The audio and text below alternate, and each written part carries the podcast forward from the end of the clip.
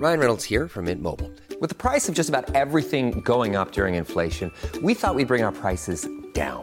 So to help us, we brought in a reverse auctioneer, which is apparently a thing. Mint Mobile unlimited premium wireless. Ready to get 30, 30, bit to get 30, bit to get 20, 20, 20, bit to get 20, 20, bit to get 15, 15, 15, 15 just 15 bucks a month. So, Give it a try at mintmobile.com slash switch. $45 upfront for three months plus taxes and fees. Promo rate for new customers for limited time. Unlimited more than 40 gigabytes per month. Slows. Full terms at mintmobile.com.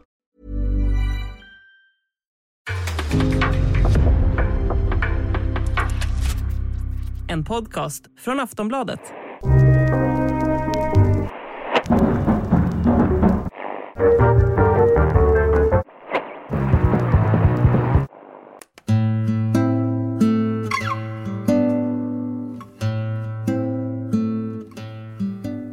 Olamio bella Nissa, regina deli flu, Letijo ti li taurissa, io canterai tosciù, canterai li montagna, lo zio tantric de co, tio scelda campagna, L'Ozio gran soleo de d'or, Toshuyo canterai, sola lieti tonella, Lazio mar d'Azur, sur, ciel pur, e tosciù griderai, en la mio ritornella, viva, viva, Missa la bella.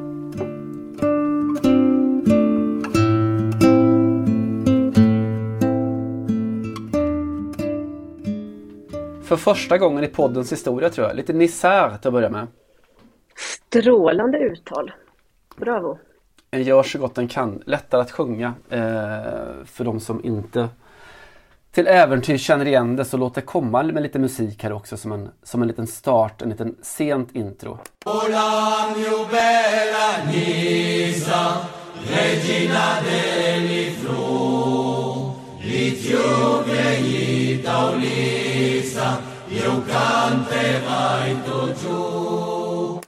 La fint. bella!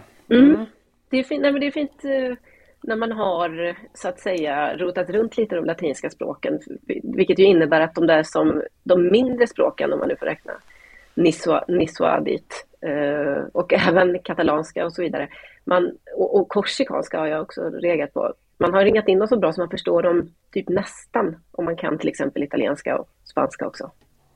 Ja, då får vi köra någon, någon form av sån här trianguleringsprocess.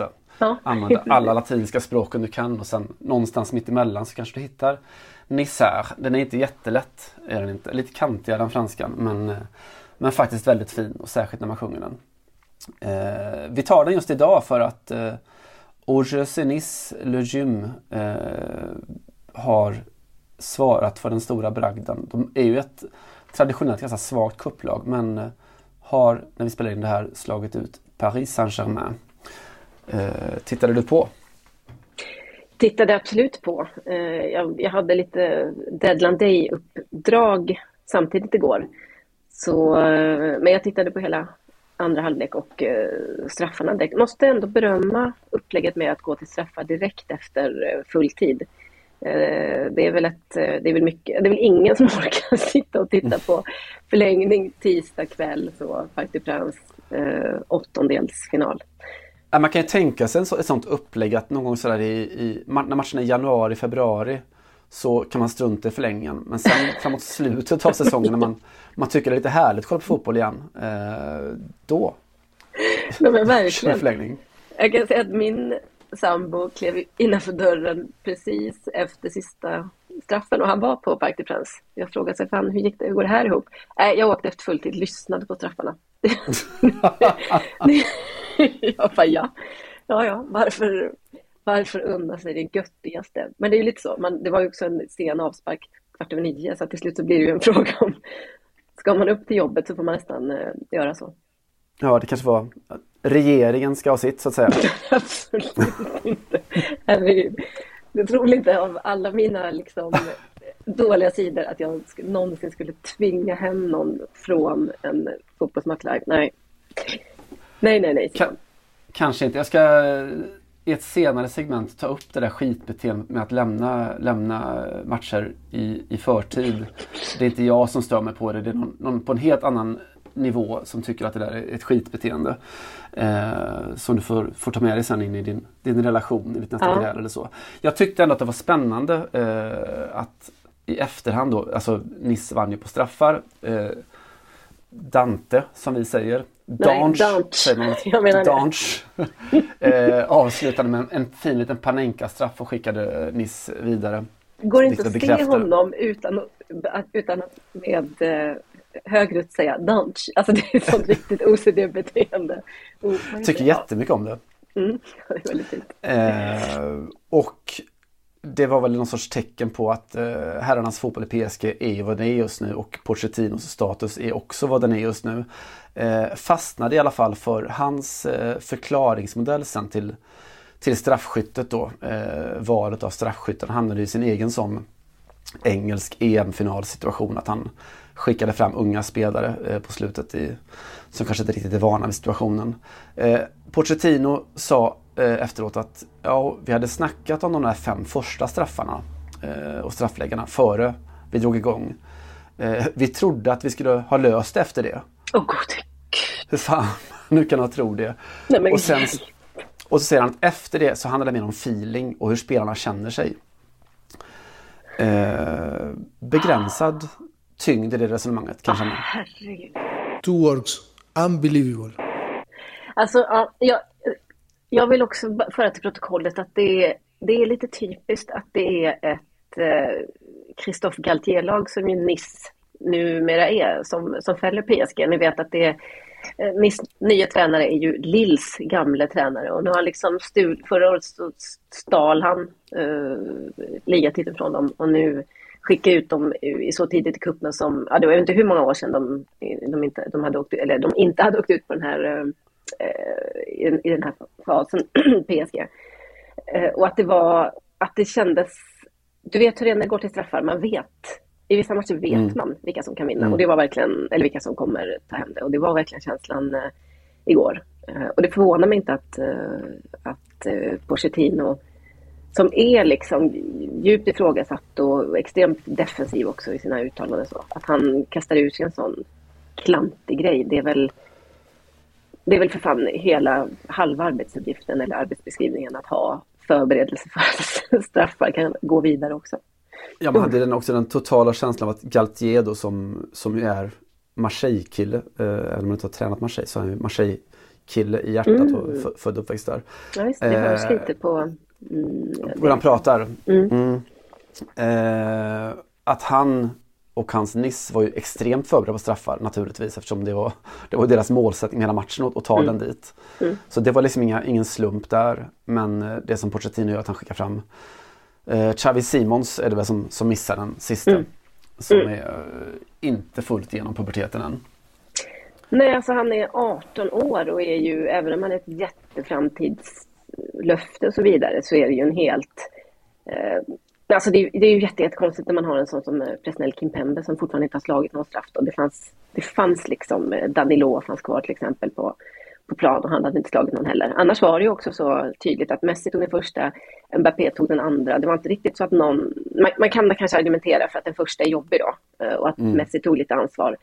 Ehm, och det är klart, Mbappé, nu fick han ju skit för att han tog den femte i, i eh, sommarens EM när, när Frankrike åkte ut mot Schweiz. Man ska inte skylla honom både för att ta den andra och den femte. Men det, det, kanske var ändå några som kände sig vill ha det avklarat, som borde ha väntat lite. Ehm, istället för att lämna Xavi Simons. Eller Simons, lite, lite osäker på uttalet här. Som ehm, ju är, alltså, jag tycker vi har, jag vet, jag tror kanske inte vi har pratat om honom i podden, men han är ju ett intressant fenomen. Den kanske kändaste fotbollsspelaren, vågar jag påstå, som inte är eh, ordinarie i en stor klubb. Eller den som var fortfarande kändast när han spelade i B-laget. Eh, och ni har säkert sett honom, om ni inte har ett ansikte på honom, så googla Xavi Simons. Det är ju en, eh, en kille med 3,7 miljoner följare på Instagram, fast han är liksom, har plockats upp i i PSGs A-lagstrupp i år först. Det är ett sånt här, lite det som Zlatan pratar om när han pratar om de, de unga spelarna och de har så lätt och de här digitala plattformarna och så. Det kan jag tänka på att det kanske är den här typen av spelare han, han pratar lite grann. Han har ju till exempel, Simons då, ett jättekontrakt med, Nike till exempel. Eh, som ju bara bygger på att han är så stor i sociala medier. Och har varit det sedan han var 12 eller 11 eller så. Spelade i Ja. La Masia för Barcelona. Precis, och han kom ju, och det där tyckte jag var, han, han började spela, kom till Barcelona, värvades som sjuåring eh, på någon eh, kvot som inte jag riktigt förstår, för han är ju holländare till nationalitet då.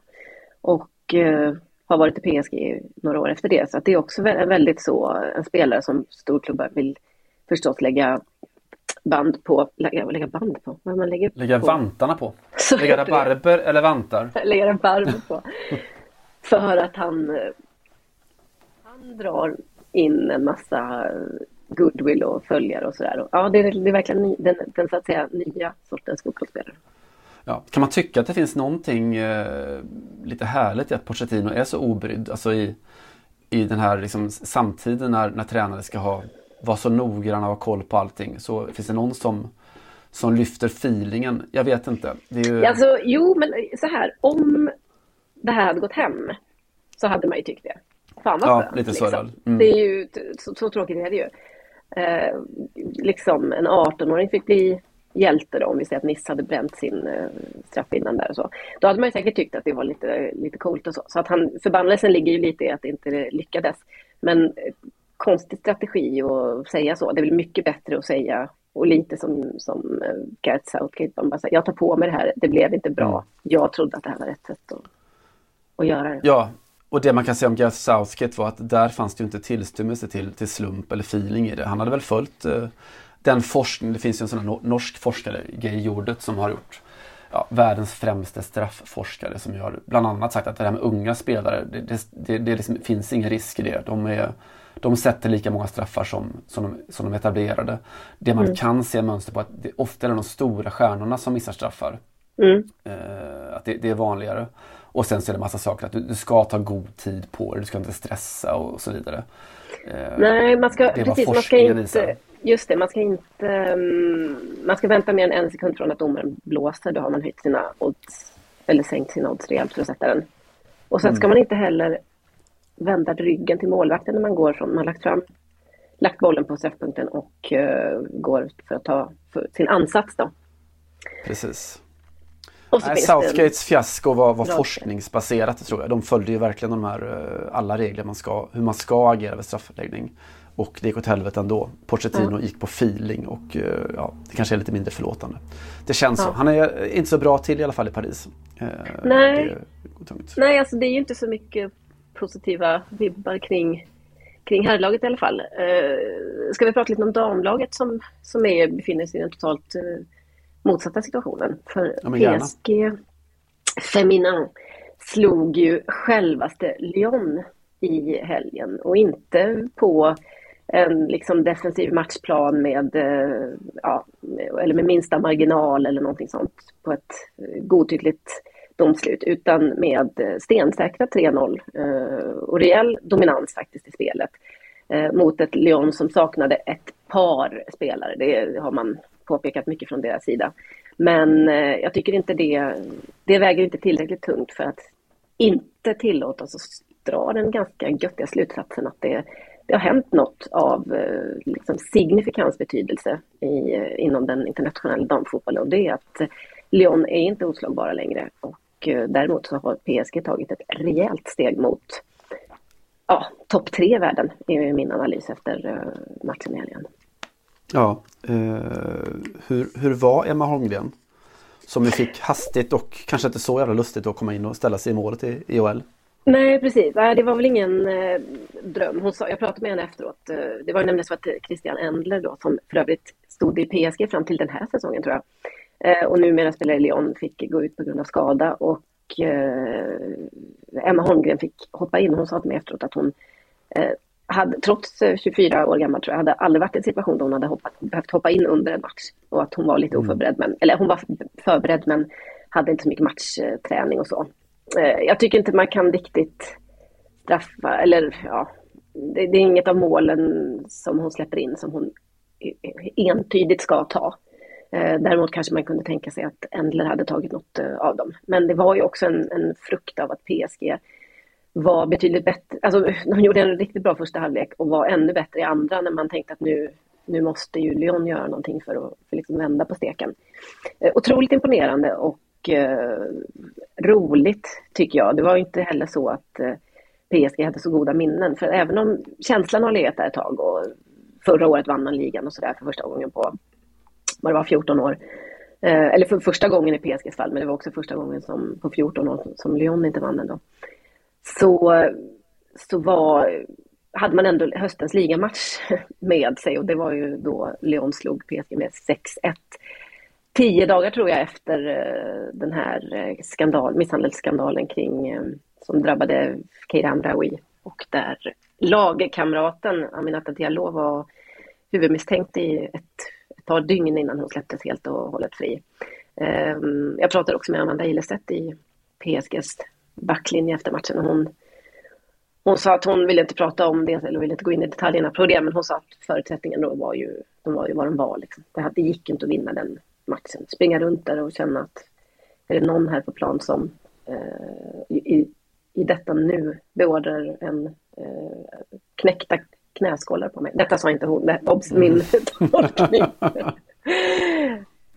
um, ja, nej, det var, det, var, mm, det var kul att se den här matchen och det var väl eh, också intressant att följa PSGs utveckling. Lite intressant då Simon att följa utvecklingen i den här historien också. Nu skrattar jag, fult av mig. Eh, men det är faktiskt så att eh, Erik Abidals fru exfru, de verkar inte ännu som att skilsmässan har gått igenom, men Hayet Abidal som vi bland annat känner igen från den här lilla snutten.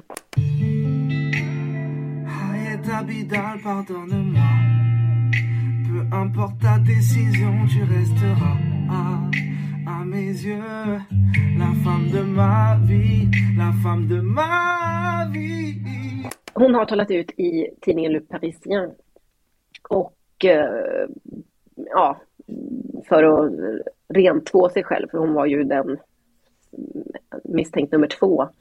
Ehm, med eh, tanke på ryktena då om att Hamraoui och hennes man hade haft en affär.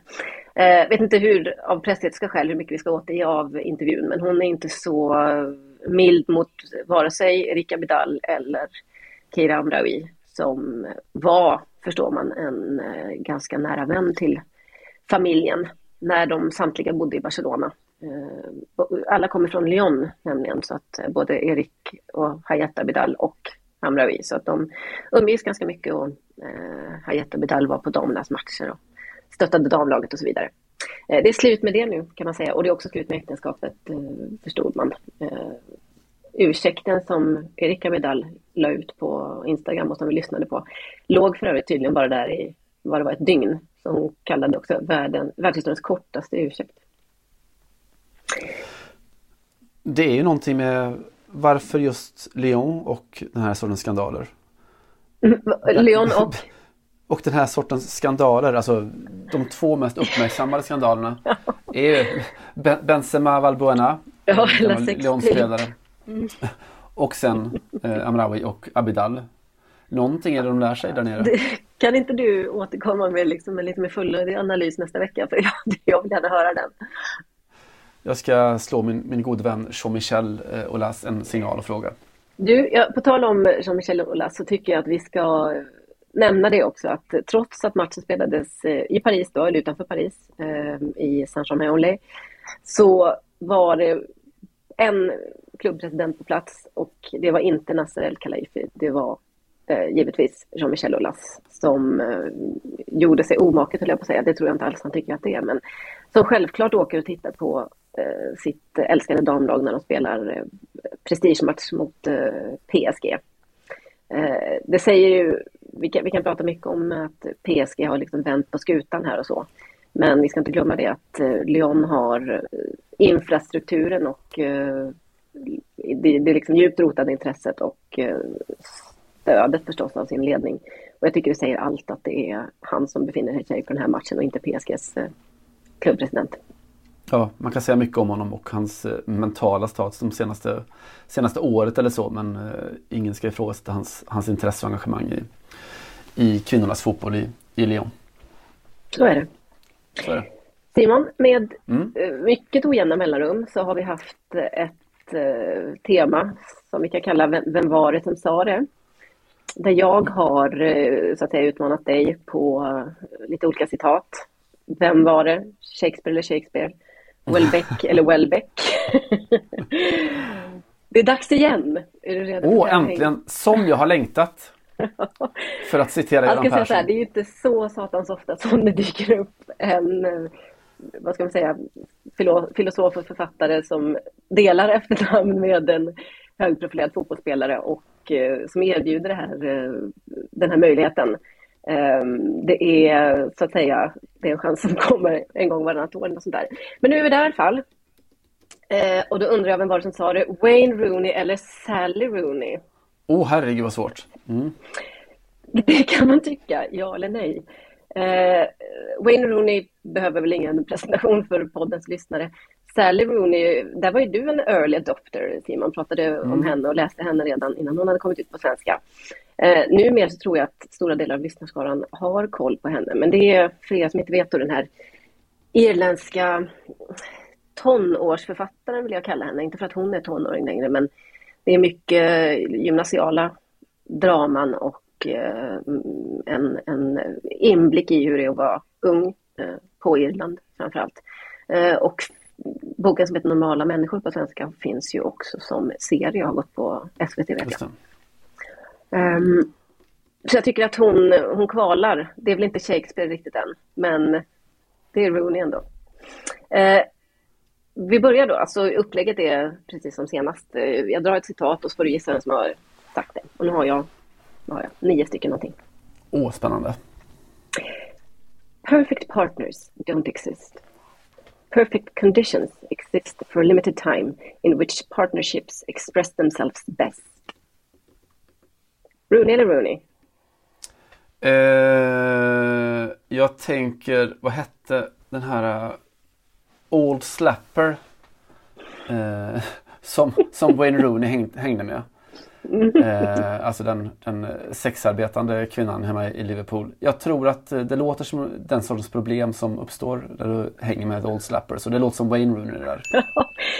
ja, det, det, är Wayne Rooney. Jag tror att eh, kontexten var att hitta en, en perfekt eh, forwardspartner. Men eh, allt är upp för, alltså allt, tolkningen är fri så att säga. Eh, så en poäng då, bravo. Tack. Vi fortsätter. Rune eller Rooney, vem sa? You can learn more from the lows than the highs. The highs are great, but the lows make you really look at things in a different way and want to improve. Ja men det där låter ju som en sån där eh, självhjälpskurs 1A för en fotbollsspelare. Eh, en sån, den sortens uttalande som Dejan Kulusevski hade suttit och nickat åt i en halvtimme. Eh, Wayne Rooney sa så. Absolut, snyggt jobbat. Två av två hittills. Eh, vi går vidare på eh, det här relationstemat då, slappers eller ej. What does it mean to have a healthy relationship? It's such a strange clinical way of talking about interpersonal dynamics. Like you can do a white blood cell, blood cell count and say, no, it's not looking good for that one.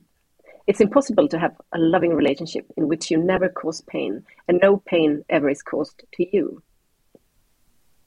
Alltså interpersonal dynamics. Eh... det, är, den, det är lite av en giveaway, jag håller med om det. om någon får chansen att fråga eller intervjua Wayne Rooney så ska jag fråga honom om hans interpersonal dynamics. Men eh, innan jag har gjort det så, så svarar jag att det där var Sally. Ja, du har tyvärr helt rätt. Uh, when they talk to me, people say I didn't expect you to be who you are. Wayne Rooney. Ja, fan, vi är stark idag alltså Simon. Uff. Svettig är men ja, det kändes bara rimligt och logiskt. Eh, varför skulle Sally Rooney behöva göra sig mindre Amania? Eller större Amania? Det kan man ju, så kan man ju förstås argumentera med eh, Edith som förebild, eller? Mm, alltid. Rooney eller Rooney? Vi går vidare. Jag tror att du har fyra av fyra. When famous people come up to you, it's a bit weird.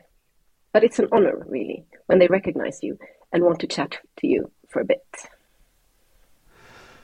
Uh, det där känns väl som att om du kommer från Croxty så är du fortfarande har lättare närmare att bli starstruck än om du kommer från eh, ett universitet i Dublin. Så vi säger väl att det där var Wayne också. Ja, det är ju alldeles strålande. Jag kan dem, jag kan dem. Jag hör det. No way of fooling you. Ge mig något svårare.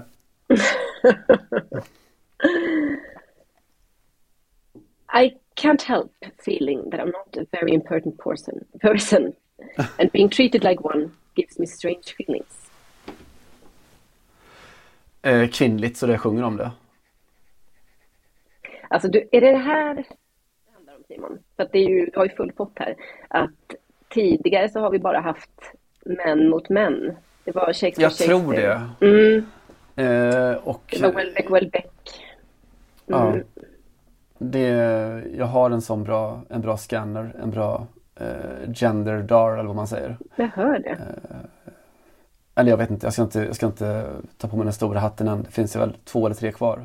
Jo, men det är ändå, jag vill ändå, om vi bara gör en liten kort eh, paus i tävlingen, ändå imponerad av att du, alltså du gör någon form av så, kön och klassanalys i alla uttalanden och så vet du direkt vem det är. Mm, Mm. Eh, Själv ser jag ju inte kön. just det. Eller klass. Eller klass. Du tror inte på klass? Tror inte på det. Eh, right. I'm staying in a hotel or I'm sleeping on my own. I have the hair dryer on. Ja men det där vet jag faktiskt. Eh, hairdryer i och för sig gör mig lite sådär illa, eller osäker men jag vet att Wayne Rooney som i alla fall som ung hade svårt att sova utan att ha på en dammsugare. Eh, hairdryer väl det närmaste så att Wayne Rooney. Ja, absolut. Men gud vad snyggt. Här kliver vi liksom in i en ny dimension där du också tar det på, inte bara att du känner honom utan att du faktiskt vet vad han har sagt. Jag kan historiken. Jag tror att jag till och med har använt det där i, i, i någon, någon, någon, någon redovisning när jag studerade franska så berättade jag eh, just den här historien om, om honom. Jag vet inte, jag skulle lära mig vad dammsugare hette eller så. Eh, Mm. och, och använde det, den lilla berättelsen. Ja, ja, ja. Vad heter dammsugare på franska? Eh, jag höll på att säga ascensör men det heter det inte, men bra nära. Mm. Ja, bra nära. Eh, nej, jag kommer inte ihåg. Aspiratör. Aspiratör. Mm. Just Det är väl dagens Använder- första bom då. Även om det inte ingick i provet egentligen. Ehm, då har vi eh, en, kanske ett av de lättare citaten. Spåren. Eh, ändå. All our ideas of what human nature consists of or how people really feel and experience life, experience life are at their base political ideas. Eh, hade ju överraskat mig mycket om det var Wayne Rooney som sa det där. Wayne Rooney. Tänkte du förresten inte på, nej du har helt rätt, det var Stanley såklart. Eh, Jag har ju väldigt svårt att höra Wayne Rooney prata om en hairdryer utan att tänka att det är Alex Ferguson som sitter i hand på toaletten eller badrummet Ah, på sant. hotell och, och liksom skriker på honom. Vilket Det har en dimension till. Hade han inte fått nog liksom? också lite lättare att, att somna då när allt är som det är liksom ens trygga rum som är eh, omklädningsrummet. Fantastiskt. Right. Eh, dagens sista citat, och nu måste du bara naila den här så att eh, det blir full pott. I couldn't quite get the hang of how to socialize as a teenager. I didn't really understand it. Jag känner mig som Niklas Ekberg nu. Nu står jag här med pokalen framför mig eh, och bollen i handen. Och säger att det där låter väl som en ung boxare. Nej, det är svårt. Jättesvårt. Eh, alltså Sally Rooney är i och för sig fixerad vid, vid den, här, just den här perioden som du var inne på av, av sitt liv. Eh, det svåra eh, i sociala relationer som ung. Och Wayne Rooney är en, en boxare från Croxty men... eh, Nej, det är 50-50. Ska jag gå höger, ska jag gå vänster? Jag säger att det här är Sally Rooney som har sagt det. Alltså, bravo, bravissimo. Fy fan vad Det var det! Ja, visst var det det? Jag har inte varit så här stolt sen... Jag vet inte. Sen det konfirmerades. Jag det konfirmerades va? Så, så jag inte konfirmerades. Så det var starkt. Det var bra. Eh, Men bra att du mycket gjorde göra. också precis som eh, Niklas Ekberg i eh, straffmomentet där. För det första drar han ju en fint just det. och sen sätter han den på andra eh, liksom utfallet med armen eller vad man ska säga. Det var just vad du gjorde. Det var lite liksom min som- tanke. Du var på väg mot Wayne och sen så, när du? Ja, storartat Simon. Det här är första gången du får uh, full pott. Nu vet inte jag i vilken mån du har liksom um, gått bort dig med flit några gånger tidigare, men jag får en känsla av att uh, du har varit att du var lite lättare den här gången. Eller att din gender, eller vad vi kallar det, fick bättre utlopp när det var en man och en kvinna. Mm, jag är oerhört glad. Jag känner mig lätt så svettig, som att jag har gått igenom något väldigt tufft. Eh, som Ayet Abidal sa, cette fi är diabolik. Så kände jag lite inför dig. Men... alltså jag, jag, måste säga att jag är också jag är, för, jag är extremt skeptisk till folk som kommer med sådana oannonserade prov. Jag är en sån där som, fort, eftersom jag var en, en högpresterande duktig flicka i skolan och hela vägen genom utbildningssystemet så kan jag fortfarande i, i 40 års ålder drömma mardrömmar om att jag kommer oförberedd till en tenta. Eh, och det är lite det jag utsätter dig för här. Eh, inte så snyggt, men eftersom du klarar det så galant så tycker jag att vi båda kommer ut, eller framförallt du som en, eh, en riktig vinnare. Som man sa i skolan, jag har inte ens läst på. Nej, exakt så. så det, sa jag, det, sa, det sa jag också. Det var aldrig sant, men det var en sån livlina lite att slippa liksom tentstämpeln när man var en pluggis. Just det. Du, du som uh, har en, en sambo som går tidigt från matcher. Jag tänker att det här kan intressera dig lite. Jag har uh, ägnat förmiddagen åt att lyssna på en annan podcast. En konkurrerande podcast om man så vill. Mm. Uh, The Athletic har en podd som heter Football Clichés.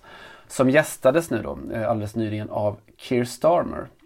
Mm. Alltså Labours partiledare och ja, inte helt osannolikt eh, Englands näste, eller Storbritanniens näste premiärminister. Eh, Boris Johnson har det lite tuffare för närvarande om det har undgått någon. Alltså förlåt, jag måste bara dela det här med dig. Alltså jag måste bara se om du känner likadant. Men har, jag har liksom en, en, en svag men ständigt närvarande röst inom mig som så, är så himla pepp på att Boris ska få vara kvar för att det är så mycket bättre TV när han leder det här landet. Alltså man har ju alltid tyckt om de här eh, parlamentssittningarna där, där de beter sig som att det vore någon, någon quizkväll på puben eller så. Att alla väsnas och lever om. Men de har ju aldrig varit så bra som nu när de faktiskt liksom menar allvar i allting, allt buande. Nej, det är väl precis det som är grejen. Annars står de ju mest och liksom skriker för sin skull. Men nu är det verkligen så. Och också att det inte är någon så här eh, narcissistisk talman längre som ska ta upp hela mm. eh, utrymmet eller tänka på att han ska bli ett meme varenda gång han säger någonting. Nej, jag tycker det var ett strålande tv-uppsnitt. Jag måste säga det att det är, jag tycker generellt lite synd om engelsmännen, i alla fall de då som, som, är på, som inte är på Boris Johnsons sida. För att det är som att vårt eh, allmänna liksom, hat och avståndstagande räckte till Trump. Men det är mm. som att jämfört med honom kommer Boris Johnson alltid ha fördelen att vara lite charmig liksom. Och att man ändå tycker att det är det, det finns något excentriskt över honom som, jag menar han är kanske ett större han kanske har förstört mer för sitt land egentligen. Än, han är, än han är ett, ett större fiasko på många sätt, så, så är det ju. det är exakt så. Ja, förlåt. Berätta om eh, Kit Stormer, det här är jag eh, mycket intresserad av. Ja, det är lite roligt. Alltså, dels så säger han då att det här, är, det här är det bästa som hände mig den här veckan. Att få, få sitta och snacka fotboll i en, en halvtimme, 40 minuter. Och grejen är att i hans fall så är det faktiskt trovärdigt. Alltså Boris Johnson eh, gillar ju fotboll, säger han. För det måste du säga om du är premiärminister i England och mm. inte Maggie Thatcher. Eh, men alla som har sett honom spela fotboll, det finns det där eh, ökända klippet där han sparkar halvt ihjäl någon motståndare under en någon sån här jippomatch. Boris goes in! And Boris goes Maurizio Gaudino will never forget the night he met Boris Johnson. Eh, han har inget sånt där lag han håller på. Han håller på Londonklubbarna har han sagt någon gång. Eh, vad nu fan det betyder. Nej, det kan han inte ha sagt. Eh, vad fan, han som eh, ändå har fingret rakt upp i liksom folk, populist, populismens... Eh, det, det enda han är riktigt bra på är att känna av vad man, vad man kommer undan med och inte. Det chockar mig att han har sagt så. Jag tror att det är ett missförstånd. Han var väl borgmästare i London och det var väl en sån där att jag, vill, inte, vill inte fjärma någon väljargrupp eller så. Fast det är ju, vill man fjärma fotbollssport så säger du just så, att du inte ens förstår. Det som Keir Starmer gör, alltså han är, är född och uppvuxen som Arsenal eh, född i närområdet och, och eh, säsongskort. Ja, men då har du också lite svårt att välja vem du ska hålla på i, i, i inrikespolitiken då hör jag ju. Ja, fast de brukar ju vara Arsenal de där allra flesta toppolitikerna i England. Det, det, det, är så det, det är så det är. Alla som bestämmer i England håller på Arsenal. Inte minst de i Arsenal, David Dean och Wenger och alla de där. Eh, det som är, är kul och det, alltså det är roligt att lyssna på politiker som är, som är riktigt, på riktigt fotbolls, eh, fotbollsmän eller fotbollskvinnor intresserade på riktigt. Det som hela formatet i, i The Athletics podd är att han får Starmer får välja ut tre stycken saker som fascinerar dem med fotboll och tre stycken saker som irriterar dem med fotboll. Och eh, man kan bara kort gå igenom vad Starmer säger. Eh, mm.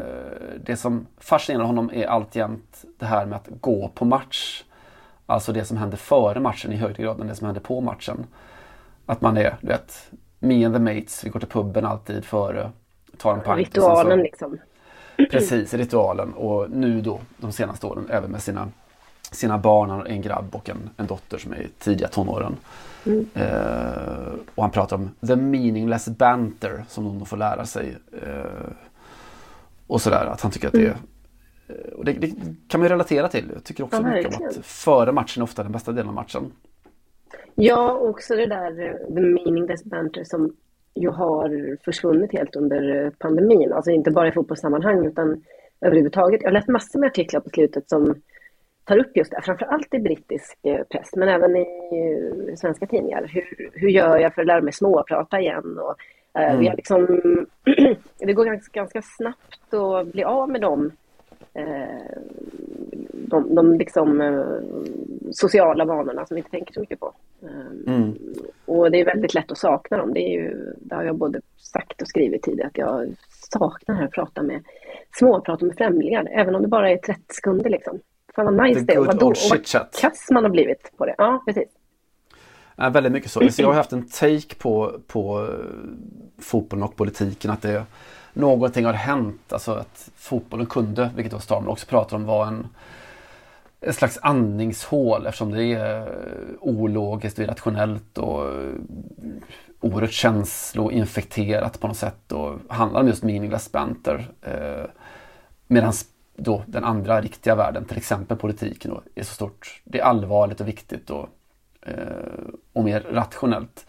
Men det är också så det enda som är opolitiskt, det är ju nästan fotboll. I den, jag menar inte att sporten måste vara det, men i den mån att de man pratar med, de som håller på samma lag, meaningless banter, kan ju vara kan ju rösta på precis vad som helst. Det finns ju, förutom vissa ultrasgrupper, så finns det ju inget sånt, eh, och såklart vissa klassiska arbetarklassklubbar, så har det där luckrats upp så mycket, vilket väl är av godo för att det är en av få arenor där folk från olika samhällssegment, bla bla bla bla bla, träffas. Ja, gud vad präktigt, men du vet vad jag menar. jag vet precis vad du menar. Tröttnade det, det... på mig själv halvvägs igenom det jättetråkiga. Ja, men du, du tog den nästan i land. Nej men alltså det, problemet är väl att det i de senaste åren har svängt väldigt mycket. Att politiken har förvandlats till, till vilken fotbollsläktare som helst. Att den är också irrationell och känslostyrd. Och, mm. eh, roligt när Keir Starmer säger att han, han kommer just från parlamentet då. De här, eh, ja, där Boris Johnson är så oerhört utsatt. Och, och säger att Well I should have said you're getting sacked in the morning. Till Boris Johnson. Eh, och det var kul sagt men det är också lite på den nivån vi befinner oss idag. Att mm det, det, har aldrig varit så svårt att, att märka skillnad på fotbollsklimatet och, och det politiska klimatet. Nej, alltså det är väldigt mycket hejaramsa i parlamentet också nu för tiden. Verkligen, och man håller på sina lag och så eh, hatar man på resten, ungefär så. Mm. Eh, Chris Starmer pratar också om stopptidsmålen som något som fortfarande fascinerar honom. Eh, lätt att säga, han håller på Arsenal och eh, har, har, har levt igenom Michael Thomas som vinner ligan i sista sekunden som vi pratade om här förut. Eh, men jag, jag kan sympatisera med det också. Tycker jag var ganska, ganska genomtänkt. Eh, det är en stor och vital del av fotbollen. Mm. Och den sista han lyfter fram är playing. Uh, I love it säger han. Han har spelat hela sitt liv. Och för att återkoppla till det som du pratar om, den här mö mötesplatsen fotboll, så han refererar till en bok, Starmer. Uh, Above Head Height skriven av James Brown som ja, James Brown då som spelade sån här fotboll. I feel good. Eh, du, du, du. mycket man inte vet om honom. Man önskar sig så mycket att det vore det. Misshandlare, fotbollsfilosof. Okej, förlåt. Jag gillar det mycket. Skratt. Mm. Eh, nej, men en, en, författare som då spelade amatörfotboll och eh, då när en, en av hans fotbollskompisar helt plötsligt eh, gick bort eh, så slog det honom då att när de då resten av grabbarna i den här fotbollsgemenskapen skulle liksom, det var begravningsdags och, och började snacka om du, vad, vad, fan, vad, vad hette han i efternamn egentligen? Och då hade de spelat fotboll en gång i veckan i kanske 15-20 år. Men hade ingen aning om vad, vad den här döde kompisen egentligen hette i efternamn. Nej. Och det kanske inte spelade så stor roll. Eh, det handlade inte om det utan det var, handlade mer om någon manlig gemenskap som handlar om andra saker. Mm. Eller kvinnlig kan det vara såklart också. Mm. Tyckte det var fint. Ja, verkligen. Vi tjejer vet ju i sig sånt. Man vet också hur många syskon folk har, ungefär vilken ålder de är och, och om föräldrarna är vid liv eller inte. Men, eh, men visst, jag förstår principen. Tyckte om det. Eh, mm. sen tyckte jag lite om när, när, eh, när Keir Starmer själv pratar om då, han spelar fortfarande lite five-side sådär, är kul. Mm. Han, han, tycker själv att han är ganska duktig på det. Mm. Men de kommer in på ett resonemang kring vilken sorts typspelare det finns i den här sortens eh, improviserade kompismatcher då. Ofta när man har kommit upp lite i åren. Eh, och Keir Starmer säger så här, det är hans spaning. As you get older, there's the kind of guy who is uh, a bit overweight but reasonably fit, but has lost the ability to stop quickly mm. when momentum up. So they go rushing towards the And just at the moment they should pull out or slow down, they don't. The, the, the clatter and it, it's the sort of momentum uh, of that player just takes them straight into the back or the front or the side of whoever the other player is. Ja, typspelaren han har, har lokaliserat. En lite lätt överviktig fast ganska vältränad då, medelålders kille. Som har, citat, förlorat förmågan att bromsa in snabbt. ja, gud ja. Vilken, vilken bra bild. Jag tycker man har en fantastiskt öga om man eh, kan sammanfatta på det sättet. För man får en väldigt tydlig bild av hundra stycken polare man spelat med som... Ja, varav ändå uppenbarligen är Boris Johnson. Eh. Alltså väldigt mycket. Jag kommer också tänka precis. Det låter som en, en, en perfekt analys av Boris Johnson. ja, vad roligt. Eh, saker som Keir Starmer irriterar sig på inom fotbollen. Eh, det tar han ju upp då, din sambo. Ja, gud vilken sambo-bashing det blev här. Jag vet inte om det här är, är, brukar vara så, men eh, visst. Mm. Folk som ja, går i förtid. Ja, de där jävlarna som går från matchen 3-4 minuter före. Eh, alldeles mm. oavsett matchen står. Eh, det köper han inte. Han stör sig också på, eh, och det gör vi alla, på supporterkommentatorn. Alltså den du hamnar, hamnar med bredvid på läktaren som, som ska kommentera allting och ha synpunkter på allting. Eh, och gör det högt och vädrar. Mm. och Starmer landar i att det har hittills aldrig hänt att man känner Aha, just det, där har du en poäng. Nej, det, det, är väl, det stämmer nog. Det är väldigt svårt att tänka sig fotbollsläktare där den Eh, den liksom, eh, det djuret i, i faunan inte ska finnas också. Å andra sidan. Ja. Ja. ja men det, det, finns några i, i, i läktarfaunan som måste finnas. Jag tycker också mm. om till exempel den här eh, killen eller tjejen som firar ett bortdömt mål och så liksom märker senare alla andra att det faktiskt blev bortdömt. Mm. Eh, som kan stå i en och en halv minut sådär och fira när alla andra mm. deppar över att det var faktiskt tre meter offside. Det blir ju sånt otroligt svårt, ehm, en svår övergång där. Hur ska man bete sig? Finns det liksom, går det fortfarande att vara spontan då och bli så nej? Eller får man bara låtsas som, hoppas att ingen såg en? Man blir lätt att bli självmedveten helt enkelt. Ja, ungefär som när du ramlar på stan eller så. Nej, mm. det där gjorde inte ont. Ingenting hände. Väldigt mycket så. Eh, Starmer stör sig också på, vilket du har tagit upp i något tidigare program, eh, managers som tar över och bestämmer sig för att sikta in sig på just en maträtt eller del av menyn. Ja, vilket var det mycket, mycket ketchup-programmet jag tänkte på. Precis så. Mm. Som att det skulle lösa allt. För han är ju ett geni Starmer. Det här är jätteroliga observationer. Alltså jätte, ja. jättebra verkligen. Han tycker att det är symbolpolitik. Eh, och det, jag ger honom rätt i det. Ja. Eh, jag ska, alltså det blir ett, ett långt referat av en annan podcast. Det kanske inte är den bästa av underhållningen men det finns en sak som du kanske kan få, få reagera på och, och som kanske kan berätta någonting om dig själv. De diskuterar också eh, saker som man säger som åskådare nästan eh, av reflex och som du alltid återkommer till under matchen när du, när du tittar på. Eh, de har lyssnare som då berättar om hur de konstant säger Edge of the box eller Do him när yttern kommer och utmanar ytterbacken. Eh, in front of him varje gång som mittbacken släpper ut bollen till ytterbacken eh, och inte slår bollen framför honom utan rakt på honom.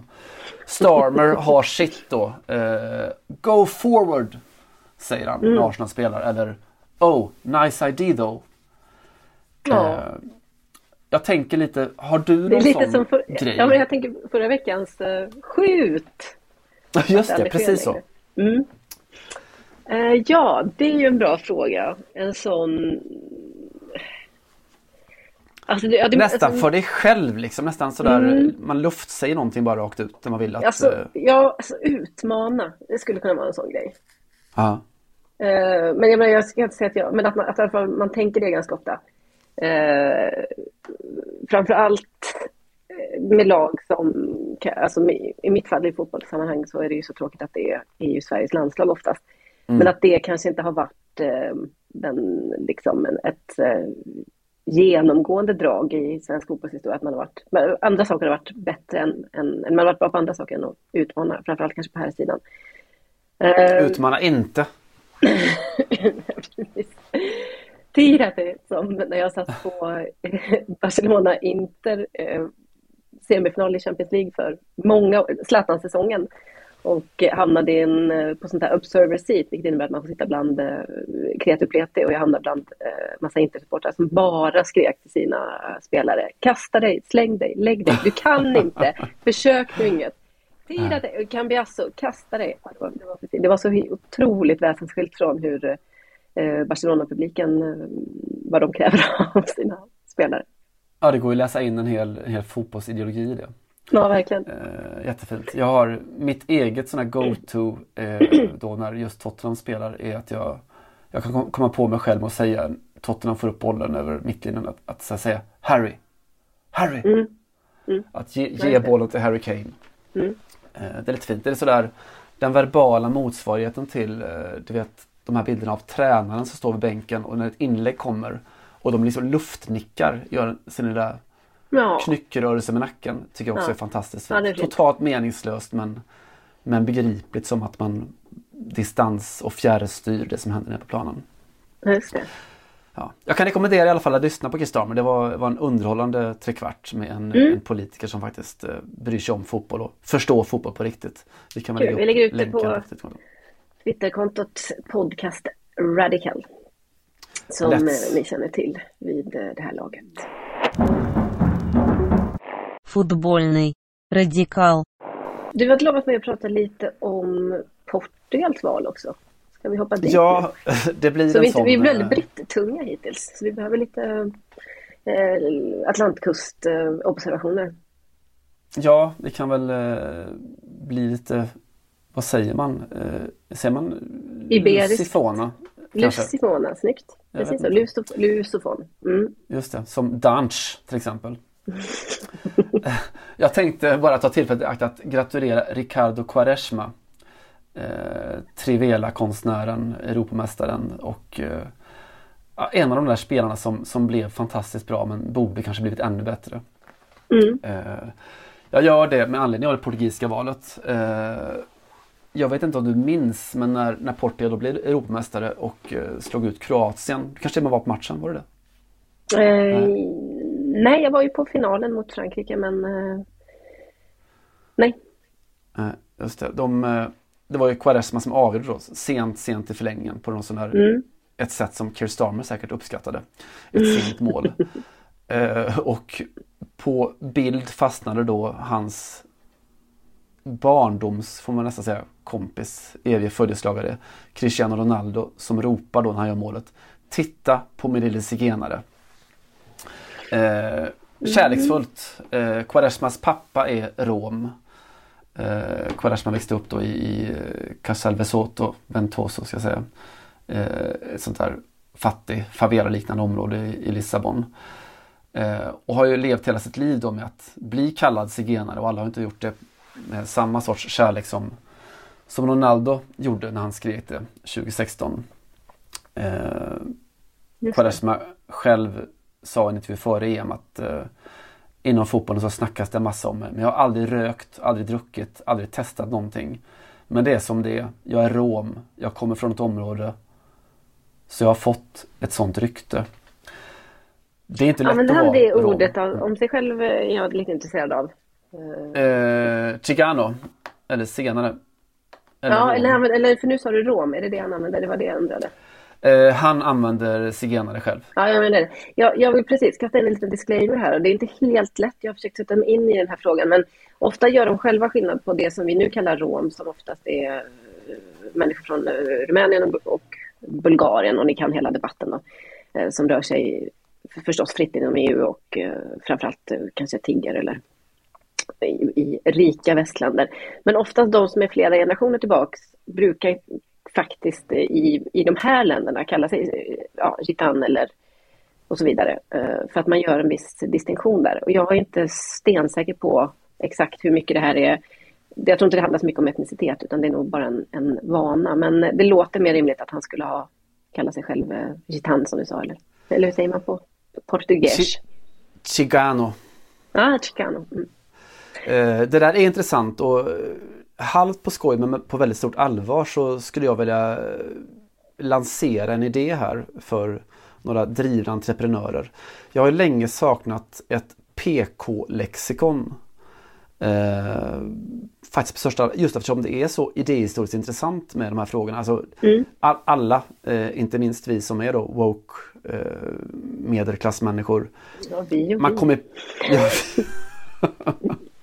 ja, man kommer på sig själv, men vad, vad, är det, vad är det nu det heter? Eh, Ja. Just det, funktionsvarierad eh, kortväxt får man säga det längre och, och så vidare.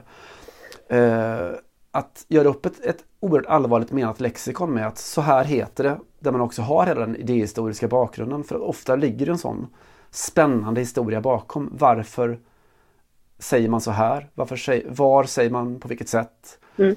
Och så vidare. Jag tror att det skulle bli fantastiskt spännande läsning. Ja, jag håller helt med om det. Jag vet att vi i en, ett ganska tidigt avsnitt av podcasten fick klippa om lite grann för att jag sa, nu kommer jag säga det igen då, men kanske går den här kontexten, det handlar om Neymar. Han hade väl nämligen sagt att han inte, hade aldrig varit utsatt för rasism eller det var inget han brydde sig om. Det är inte så att jag är svart direkt. Och så sa jag, Mm. men alla, ni vet ju att Neymar är mulatt, vilket ju är ett ord som man använde tidigare i Sverige men inte riktigt gör längre. Eh, Mm. Det blev lite stressigt för Peps som klippte vår podd på den tiden. Eh, och sen så diskuterade vi lite grann, men vad säger man numera? Och nu, nu börjar ju mixad slå igenom i Sverige. Eh, men det är inte så pass etablerat än att du, om du säger så här, det- han är mixad så förstår inte alla svenskar vad det betyder. Och, där saknas det också ett, ett, ett, vad ska man säga, ett etablerat uttryck. Eh, Ja. mena, vill jag mena på svenska. På, på franska säger man ju metis och det är ju, det är ju, det är ju jättevedertaget liksom. Men det har också en egentligen problematisk eh, bakgrund om man gräver lite i det. Eh, parentes. Ja, håller du med mig? Hade du uppskattat det, det digitala eh, PK-lexikonet? Eh, ja, Eh. absolut. Jag tycker men det är lite snedvärderande att säga, alltså kasta det, jag vill använda det som, säga PK hela tiden. För att det är ju Ja, mer... man säger inte PK längre va? Eh, Man får... Nej, men jag menar precis. Det tycker jag, det- jag tycker det är ett problematiskt uttryck. Kan vi göra upp med det direkt? Eh, nej, men, eh, eller woke eller så, för nu används det nästan bara som, eh, som lite nedvärderande av eh, den Mm. tidigare nämnda medelklassen när man ska liksom eh, själv flaglera sig eller vad det heter. Do you think, as some senior politicians in Britain seem to, that President Biden is woke? I I can't comment on that. I, I, I, I, I, I, but what I know is that he's a fervent believer in the transatlantic uh, alliance. Eh, Men däremot så skulle det vara bra att ha få någon form av standardverk för alla de här nya orden, PK eller inte. För hur ska man benämna det här i, i, i ja, offentliga sammanhang eh, till exempel. Eh, Det är en fråga som just när det kommer till eh, zigenare eller rom eller mixad och så vidare är, kommer behövas eller behövs hela tiden. Mm, jag håller med dig. Och det är, jag, jag garvar åt men det är för att det, för att det faktiskt är viktigt. Det, är, Mm. det går att prata om det som en språklig fråga för eh, ja, det som vi förr kallade PK-samhället. men men eh, det finns ju en bakgrund som är och för människorna som berörs inte minst så, så är det viktigt. Det handlar om att hur man ord betyder saker och så vidare. Eh, Mm. Och att få den bakgrunden tror jag skulle vara ett stort steg för att visa just att ja, det har faktiskt en betydelse om du säger si eller om du säger så. Om du säger trans eller om du säger mulatt eller vad det nu kan vara. Mm. Eh, Detta som en sak till då. Jätte, gud, lång parentes runt eh, Quaresma. Nej, vi går till honom nu. Jag behöver inte kasta in det här alls.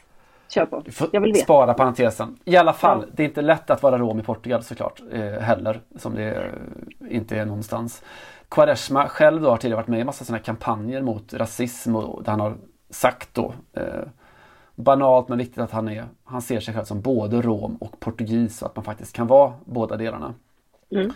Eh, och ja, alltså det är lite sådär, bilden av Quaresma är ju inte den av någon sorts politiskt engagerad eh, människa. Han är ju en väldigt så stökig, ung, eh, besvärlig sorts Mm. fotbollskille. Men han eh, har då va- varit engagerad just i det här. Eh, och just därför så reagerar han väldigt starkt då när det, han märkte i sitt Portugal att det började blåsa ja, vindar åt ett annat håll i politiken då. Eller samma håll som överallt annars såklart. Att det, det kommer en, en stark populistisk eh, rasistisk höger.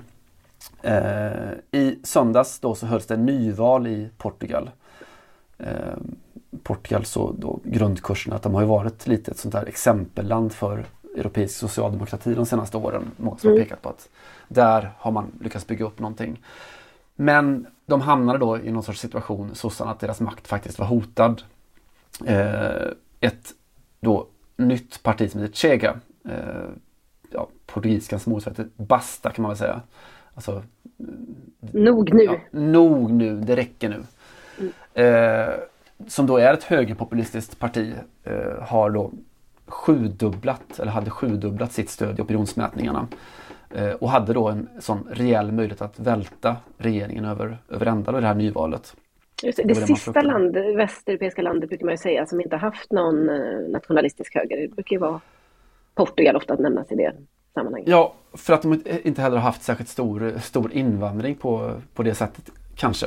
Eh, det har inte varit en sån, sån himla stor fråga. Det har liksom varit ett Ja, de har haft sina, från sina kolonier men ingen liksom en stor Ingen jättestor immigration på det sättet. Nej, men också Eh, för att man, precis som Spanien tills ganska, inte så himla länge sedan var eh, faktiskt en fascistisk diktatur och att det där brukar ju man säga vaccinerar länder i eh, ganska många år, men eh, Mm. inte hur många år som helst. Då. Novo Estado heter det va? Eh, fascistregimen. Mm. Eh, I alla fall, där stod man då och Chega, det här högerpopulistiska partiet då, eh, leds av en kille som heter André Ventura. Eh, som, som då väldigt många andra av, eller nästan alla av maktens män i Portugal då är intimt förknippad med, med fotbollen. Det är svårt att inte vara det i Portugal med, ja ni vet, Sporting och Benfica kanske framförallt, även Porto. Eh, premiärministern då, eh, Antonio Costa är ju uttalat fanatisk eh, Benficista. Eh, och det är Ventura också. De har det gemensamt i alla fall. Och Ventura har till och med jobbat med fotboll. Han var fotbollskommentator i tv under många år. Oj. Eh, innan han då gav sig på politiken. Och då gjorde han det till att börja med då inom just eh, ja, Socialdemokraterna i det partiet. Eh, var kvar där, försökte ta sig uppåt men eh, ja, hoppade sedan av då och, och lämnade för, för högerpopulismen och Chega istället. Eh, Ja. och hans, det, det politiska programmet eller deras eh, framtoning har baserats väldigt mycket just på att peka ut romerna som det stora problemet i Portugal. Mhm. Eh, I ett land då typ ja, var 300 portugis är, är rom ungefär. Okej. Eh, en oerhört liten minoritet men, men han pekar på dem, förklarar krig mot dem. Han har sagt att de, de lever bara på bidrag, en stor post liksom i, i statens utgifter. Och eh, när pandemin kom så, så propagerade han för att man skulle liksom bygga speciella områden där, där romerna fick spärras in mer eller mindre. Eh, och när han sa det, då fick han sparken som, som fotbollskommentator. Mm. Eh, förståeligt kanske. Och det var också då som Quaresma klev in och tog sin strid. Eh, när han hörde Ventura, eh, när han såg att Chenga fick, Chenga fick liksom eh, vind i seglen. Så gick han ut och skrev på sina sociala medier om att eh, Venturas rasistiska populism ställer enbart människor mot varandra för att nå makten. Och historien, skrev Quaresma, har redan visat vad det leder till. Mänsklighetens förfall. Livet är för värdefullt för att lyssna på åsnor.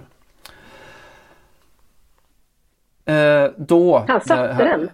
Han satte den och det här är alltså två år sedan ungefär och då var det Okej. inget jättestort problem eh, än. Eh, stark regering och så vidare. Men sen så kraschade då den här vänsterkoalitionen som satt vid makten och det kallades till nyval.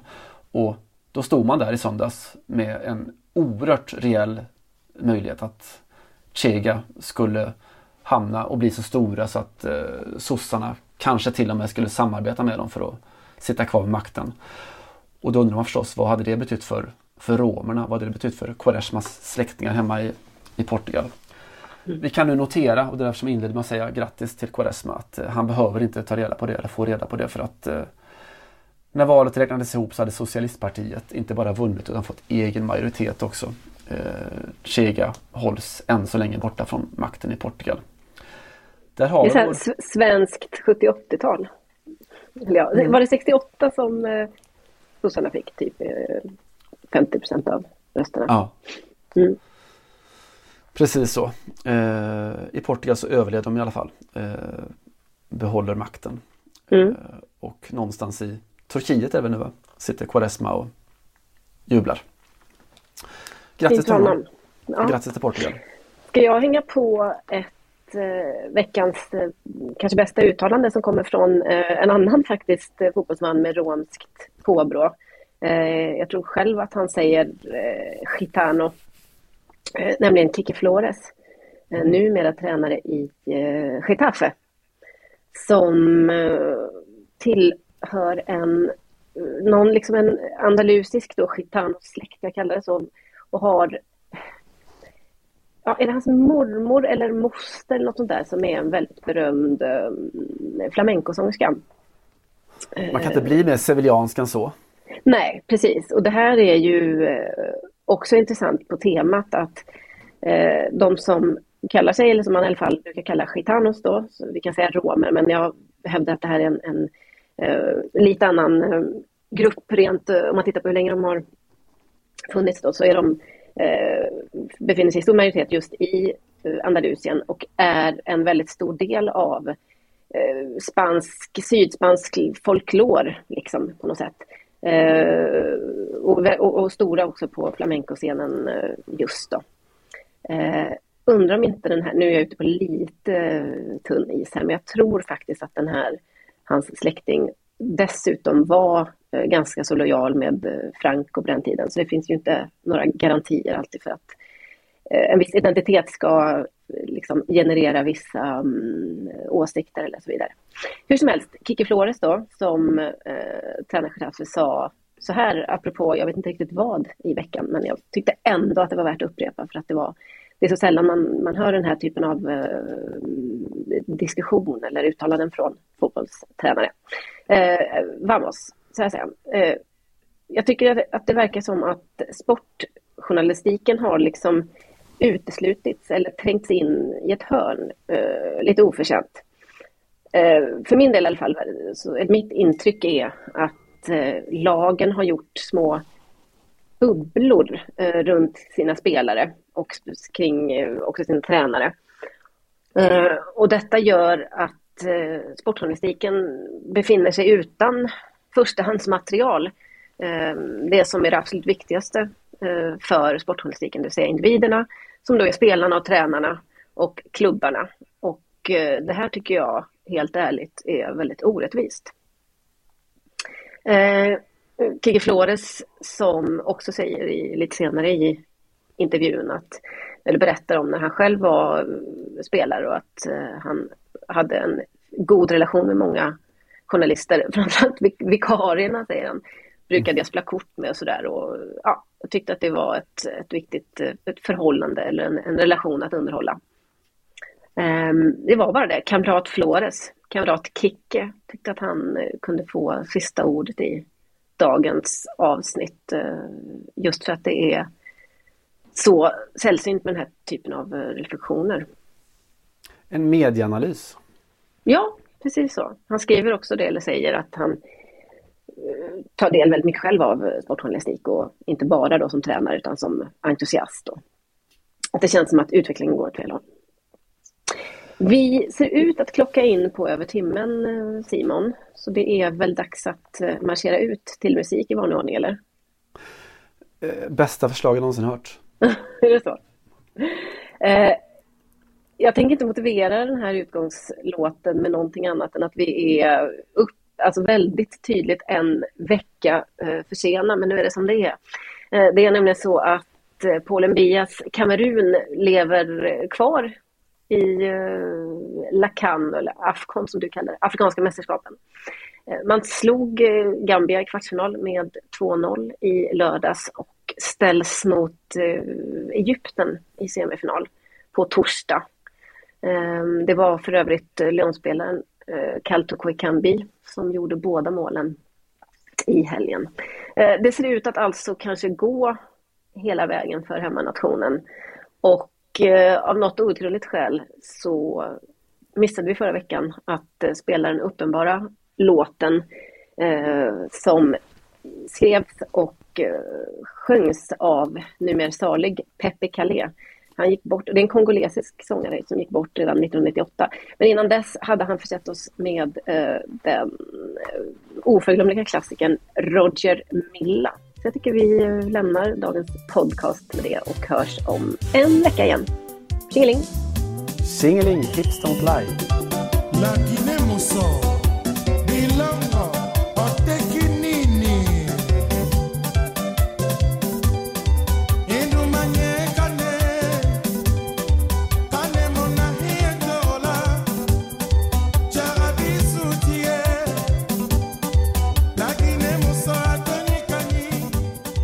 Du har lyssnat på en podcast från Aftonbladet. Ansvarig utgivare är Lena K Samuelsson.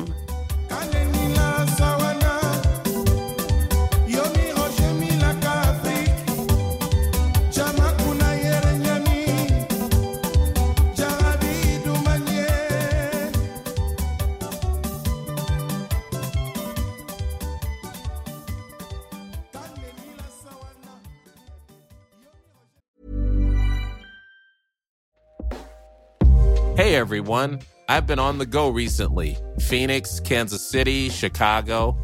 If you're like me and have a home but aren't always at home, you have an Airbnb. Hosting your home or a spare room is a very practical side hustle. If you live in a big game town, you can Airbnb your place for fans to stay in. Your home might be worth more than you think. Find out how much at airbnb.com/slash host.